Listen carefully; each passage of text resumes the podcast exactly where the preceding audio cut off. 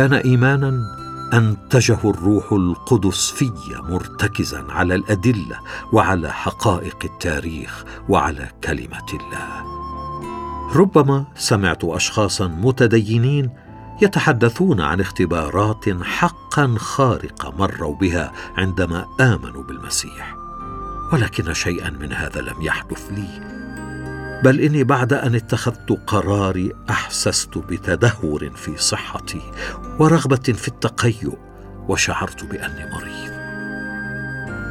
ما الذي ورطت نفسك فيه يا جوش؟ أحسست بالفعل بأني أصبت بالجنون ويوافق بعض أصدقائي على ذلك. تغيرات. لكني أستطيع أن أؤكد شيئا واحدا. لقد اكتشفت أني في مدة تتراوح ما بين ستة أشهر والسنة. لم أجن بل إن حياتي تغيرت. اشتركت في نقاش مع رئيس قسم التاريخ في إحدى الجامعات. قلت لقد تغيرت حياتي فقاطعني بطريقة ساخرة نوعا ما. قائلا هل تحاول يا ماكدويل أن تقول لنا إن الله غير حياتك في القرن العشرين؟ في أية نواحي حدث هذا التغيير. بدأت أشرح التغيرات التي حدثت في حياتي لمدة خمسة وأربعين دقيقة إلى أن قاطعني قائلا حسنا كفى. السلام العقلي. كانت إحدى النواحي التي حدثته عنها. قلقي فقد كنت من النوع الذي يجب أن يشغل نفسه طوال الوقت. كنت دائم الانتقاد لأصدقائي عند الاجتماع بهم. وكنت أمشي في الحرم الجامعي فيصبح رأسي دوامة من الصراعات. وكنت أجلس محاولا الدراسة أو التفكير لكن دون جدوى. لكن بعد أشهر عدة من اتخاذ قرار الإيمان بالمسيح بدأ يتطور لدي نوع من السلام العقلي. لا تسئ فهمي فأنا لا أتحدث عن غياب الصراع فإنما وجدته في علاقتي مع يسوع المسيح لم يكن غياب الصراع بقدر ما هو القدرة على التعايش معه. وأنا لست مستعدا أن أقايضه بأي شيء في الوجود. السيطرة على العصبية. كانت عصبيتي من النواحي التي شهدت تغيرا. فقد كنت أثور ثورة عارمة إذا نظر إلي أحدهم نظرة تحد أو استهزاء. وما زلت أحمل في جسدي آثارا من شجار أثناء السنة الأولى في الجامعة. كدت أقتل فيها رجلا. كانت عصبيتي جزءا عضويا مني بحيث لم أسعى إلى تغييرها بشكل واع. بعد أن وضعت ثقتي في السيد المسيح مررت بأزمة لاكتشف أن عصبيتي اختفت ولم أفقد أعصابي خلال العشرين السنة الماضية إلا مرة واحدة. رجل أبغضته. هناك ناحية أخرى أفتخر بها وأنا أذكرها هنا لأن هناك اشخاصا كثيرين يحتاجون إلى هذا التغيير نفسه في حياتهم من خلال علاقة مع المسيح المقام الحي. وهذه الناحية هي الحقد أو لنقل المرارة. كانت حياتي مليئة بالحقد. لم يكن هذا الأمر شيئا ظاهرا للآخرين ولكنه كان نوعا من الطحن الداخلي الذي يأكلني إذا كان الناس والأشياء والمسائل تثير ضيقي وسخطي وككثيرين غيري لم أحس بالأمان. فكلما قابلت شخصا جديدا مختلفا عني أحسست بأنه يشكل تهديدا لي. لم أكره شخصا كما كرهت أبي بل احتقرته فقد كان سكير البلدة. وإذا كنت من بلدة صغيرة وكان أحد والديك سكيرا فلا بد أنك تعرف ما أتحدث عنه. عرفت كل البلدة أمر أبي. اعتاد أصدقائي أن يأتوا إلى المدرسة ويطلقوا النكات حول ما يفعله والدي وسط البلده لم يعتقدوا أن هذا الأمر يزعجني. فقد كنت أضحك من الخارج لكني كنت أبكي من الداخل. كنت أذهب إلى الإسطبل حيث أرى أمي ممددة فوق روث البقر. بعد أن تتعرض للضرب من قبل أبي وتعجز عن النهوض. وعند استضافتنا للأصدقاء كنت آخذ والدي إلى مخزن الحبوب وأربطه هناك وأوقف السيارة خلف المكان حتى لا يراه أحد. وكنا نقول لأصدقائنا بأنه ذهب إلى مكان ما حتى لا نصاب بالحرج. لا أعتقد أن أحدا يمكنه أن يكره شخصا آخر. كما كرهت أبي.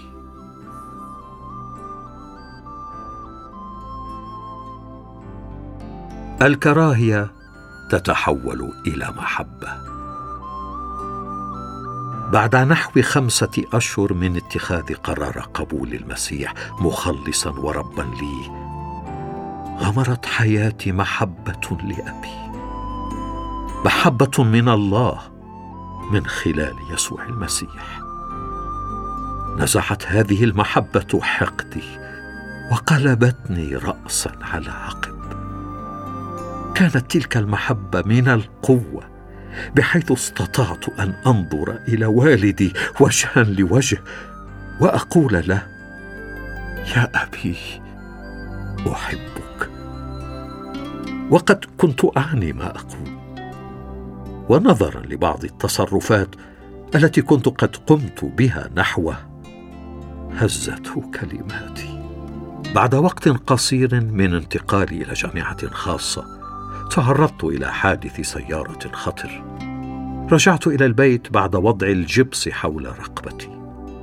لن أنسى ابدا منظر أبي وهو يدخل غرفتي ليسألني يا بني كيف يمكنك أن تحب أبا مثلي؟ قلت له يا أبي قبل ستة أشهر كنت أحتقرك وبعد ذلك حدثته عما توصلت إليه من استنتاجات حول يسوع المسيح. قلت له لقد سمحت للمسيح أن يدخل حياتي وأنا لا أستطيع أن أفسر ما حصل تفسيرا كاملا لكني وجدت نتيجة لهذه العلاقة القدرة على أن أحب وأقبل لا أنت فحسب ولكن كل الناس الآخرين كما هم. بعد خمس وأربعين دقيقة حدث أحد أعظم الأشياء المثيرة في حياتي. فقد قال لي أحد أفراد عائلتي شخص عرفني جيدا بحيث لا يمكنني أن أضع عصابة على عينيه حول حقيقتي. يا بني إذا كان الله يستطيع أن يفعل في حياتي ما رأيته يفعل في حياتك فإني أريد أن أتيح له هذه الفرصة. عادة ما تحدث التغيرات في حياة الناس على مدى أيام أو أسابيع أو أشهر أو حتى سنوات لكن حياة والدي تغيرت أمام عيني. كان الأمر كما لو أن أحدهم أضاء مصباحا كهربائيا. لم أرى ابدا مثل هذا التغير السريع قبل ذلك أو بعده.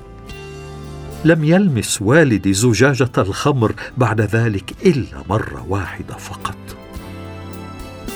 وصلت فيه الزجاجة إلى شفتيه دون أن يرشف منها ولو رشفة واحدة. إذ لم يعد يحتاجها. إنها فعالة. وصلت إلى استنتاج وحيد وهو أن العلاقة مع يسوع المسيح تغير الحياة. تستطيع بجهل أن تهزأ بالمسيحية. تستطيع أن تسخر منها. لكنها ناجحة في تغيير حياة الناس. فإذا قررت أن تؤمن بالمسيح وتضع ثقتك به ابدأ بمراقبة مواقفك وتصرفاتك. لأن شغل يسوع المسيح الشاغل هو تغيير حياة الناس وغفران خطاياهم وإزالة الإحساس بالذنب. القرار لك. ليست المسيحية امرا يمكن فرضه بالقوة على شخص أو إنزاله في حلقه رغما عنه. فلك حياتك ولي حياتي وكل ما أستطيع أن افعله هو أن أخبرك بما عرفته واكتشفته. أما بعد ذلك فالأمر متروك لك. وكما تقول زوجتي المسيح قام من بين الأموات. ولهذا فهو حي. ولأنه حي فهو يمتلك قدرة لا متناهية على الدخول إلى حياة أي رجل أو امرأة ويغيره أو يغيرها مبتدئا من الداخل إلى الخارج. فالعنصر الأساسي هو القيامة. فالمسيح قد قام. إنها قضية شخصية. لقد حدثتك كيف تجاوبت مع تصريحات المسيح عن نفسه. وقد جاء دورك الآن لتسأل السؤال المنطقي التالي. ما الذي تعنيه كل هذه الأدلة والبراهين لي؟ أي فرق سيحدثه إيماني أو عدمه بموت المسيح على الصليب من أجل خطاياي وقيامته من الأموات؟ لقد قدم يسوع أفضل إجابة عن هذا السؤال لرجل شك فيه وهو توما قال له أنا هو الطريق والحق والحياة. ليس أحد يأتي إلى الآب إلا بي. يوحنا الإصحاح الرابع عشر الآية السادسة. بناء على كل براهين قيامة المسيح واعتبارا لحقيقة أن يسوع يعرض علينا غفران خطايانا وعلاقة أبدية مع الله. فمن هو هذا الطائش الأحمق الذي سيرفضه؟ المسيح حي وهو حي اليوم. تستطيع أن تضع ثقتك الآن بالله من خلال الصلاة أو الدعاء. فالصلاة هي التحدث إلى الله وهو يعرف قلبك ولا تهمه كلماتك المنتقات بقدر ما يهمه موقفك القلبي. إذا لم تكن قد وضعت ثقتك في المسيح في الماضي فإن بإمكانك أن تفعل ذلك الآن. كانت الصلاة التي رفعتها كما يلي. أيها الرب يسوع أنا أحتاجك. أشكرك من أجل موتك على الصليب. من أجل خطاياي. ها أنا أفتح باب حياتي لك وأقبلك مخلصا لي. أشكرك لأنك غفرت خطاياي وأعطيتني حياة أبدية. اجعلني كما تريد. أشكرك لأنك مكنتني من وضع ثقتي بك.